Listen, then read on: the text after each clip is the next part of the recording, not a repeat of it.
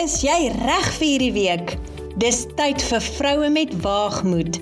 Ek is Marina Meiburg.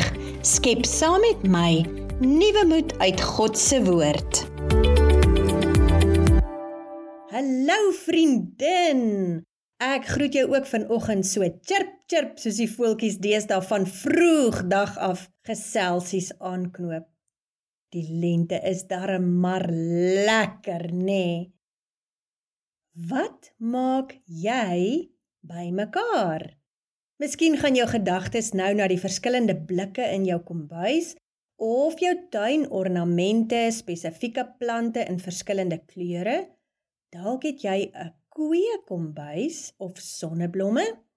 Miskien is jy 'n horlosieversamelaar of skoene, handsakke, speelgoedreekse, munte, kuns of oudhede. Wat ook al jy versamel en of jy glad nie 'n versamelaar is nie, is nie vandag van belang nie. As jy nie self 'n versamelaar is nie, behoort jy heel moontlik iemand te ken wat dit wel doen.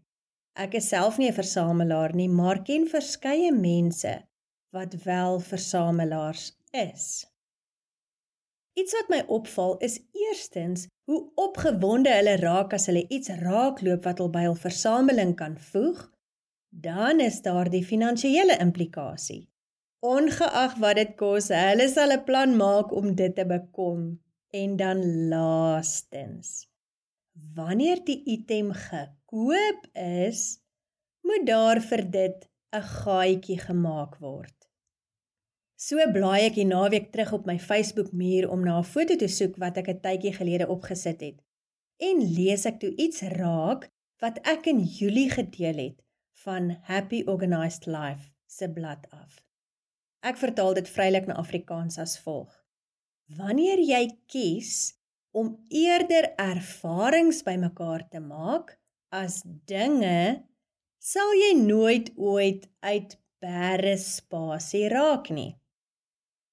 Terwyl ek kou aan hierdie waarheid wat in die stelling lê, dink ek ook oor hoe die woord ons waarsku oor geknogtheid aan aardse dinge, soos wat Fani ook nou in sy preekreeks oor Babylon hanteer.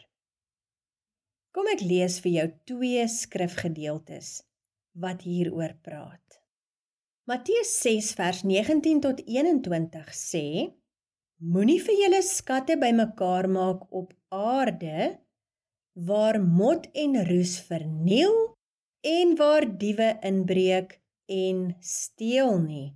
Maar maak vir julle skatte bymekaar in die hemel waar geen mot of roes verniel nie en waar diewe nie inbreek en steel nie. Want waar julle skat is, daar sal julle hart ook wees. Kom ons lees eers nog 1 Johannes 2 vers 15 tot 17 en dan gaan ons 'n bietjie hieroor gesels. Dit sê: Moenie die wêreld lief hê of die dinge wat in die wêreld is nie. As iemand die wêreld liefhet, dan is die liefde van die Vader nie in hom of haar nie. Want alles wat in die wêreld is, die begeerlikheid van die vlees en die begeerlikheid van die oë en die grootsheid van die lewe dit is nou die dinge wat in die wêreld is, is nie uit die Vader nie, maar is uit die wêreld. En die wêreld gaan verby en sy begeerlikheid, maar hy of sy wat die wil van God doen, bly vir ewig. Jy weet beide Matteus 6 en 1 Johannes 2 tref onderskeid tussen aardse of dan nou wêreldse dinge en hemelse of goddelike ewigheidsdinge. Die kruks van die saak is dat ons nie ons fokus op tydelike dinge wat tot niet gaan moet plaas nie, maar op God en dinge wat ewigheidswaarde het. As Christen vroue moet ek en jy geestelike groei, gesonde verhoudings en om diensbaar te wees deur die gesindheid van Christus prioritiseer eerder as om ons lewe te vul met materiële besittings wat eintlik van geen waarde is nie. Verstaan my mooi. Ek sê nie dat jy nie 'n stokperdjie mag hê waar jy sekere dinge versamel nie. Die argument is dat jou versameling jou nie spreek woordelik aan 'n leiband agter die begeerlikheid van die vlees, die begeerlikheid van die oë en die grootsheid van die lewe moet lei weg van God af nie, maar dat jy as 'n vrou van geestelike karakter en inbors kan weet waar die skeidslyn tussen stokperdjie en welis is en dit glad nie oorsteek nie. Raas ek vandag? Nee.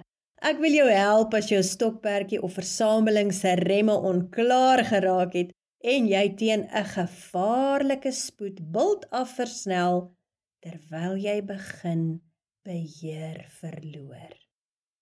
Ek wil jou help dat jy jou fokus terugverskuif na God en dat jy 'n lewe van oorwinning kan leef in sy teenwoordigheid. Weet jy, Iets wat jou terughou, kan jou net terughou, solank as wat dit in geheim verskans bly. Die oomblik wat jy dit sien vir wat dit is, is dit mos nie meer verskans nie en dinge wat uit is in die oopte kan mos gehanteer word. 'n Geheim wat jy toehou tot jou nadeel, kan jou alleenlik benadeel so lank as wat jy dit geheim hou. Die oomblik wat die waarheid uitkom, het dit sy houvas op jou verloor.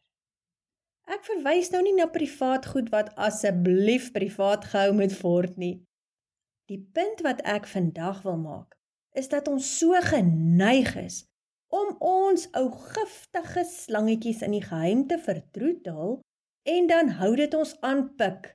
Maar nee, ons is te trots en eergevoelig dat ander van ons swakhede moet weet So ons vertroetel daai ou slangetjies terwyl die gif ons stadig maar seker doodmaak. Terwyl ons net kan sê, "Help my! Help my om van die verdekselse slange ontslae te raak sodat hulle kan ophou om my te pik." En raak dan nou van die goed ontslae sodat jou geesmens vry kan raak van die kastyding daarvan. Vriendin, Ek dink ek het nou die punt gemaak van die tweede deel van ons aanvanklike stelling vandag om dinge bymekaar te maak. Ek wil graag jou motiveer en aanmoedig om jou leefstyl in die rigting te draai van om ervarings bymekaar te maak. Dinge laat jou uit bære spasie loop. Terwyl ervarings in jou hart gebêre word, is dit nie waar nie. Dinge hou jou besig met jouself. Terwyl ervarings jou horisonne verbreed, jou nuwe mense laat ontmoet, jou as mens laat groei, jou nuwe vaardighede leer, jou stimuleer, jou laat lag, jou laat dink, jou laat verander. En geestelike ervarings met God verdiep jou verhouding met hom. Laat jou geestelik groei. Bring jou tot ander insigte. Vorm jou geestelike karakter, lei jou op 'n pad van geregtigheid. Bring die vrede van God wat alle verstand te bowe gaan in jou hart. Maak jou vergenoegd vir en met wat jy het.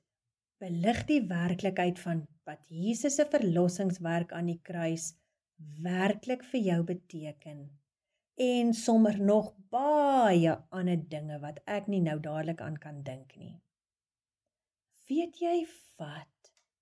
Ek persoonlik verkies 'n ryk hart vol van die Vader, Jesus en Heilige Gees, asook ervarings van die lewe en mense by verre bo 'n weelderige aardse lewe vol van giftige slangetjies wat ek in die geheim moet wegsteek terwyl dit my siel laat skade ly. Voel jy nie ook so nie? Daarmee sê ek natuurlik nie dat 'n weelderige lewe verkeerd is nie, verstaan my asseblief mooi. Daar is niks verkeerd met 'n weelderige lewe wanneer ons fokus op God is nie. Dit is wel 'n probleem wanneer die weelderige lewe ons fokuspunt is. So vriendin, my hart is om jou aan te moedig om jou kompas te verander as jy op reis is om aardse skatte te versamel wat deur mot en roes verteer word. Raak ontslaaf van daardie kompas en neem die kompas van God se woord in jou hand sodat dit jou lewe kan rig op God se pad waar jy ervarings in jou hart bymekaar maak waar jy nie uit bære plek uit kan hardloop nie.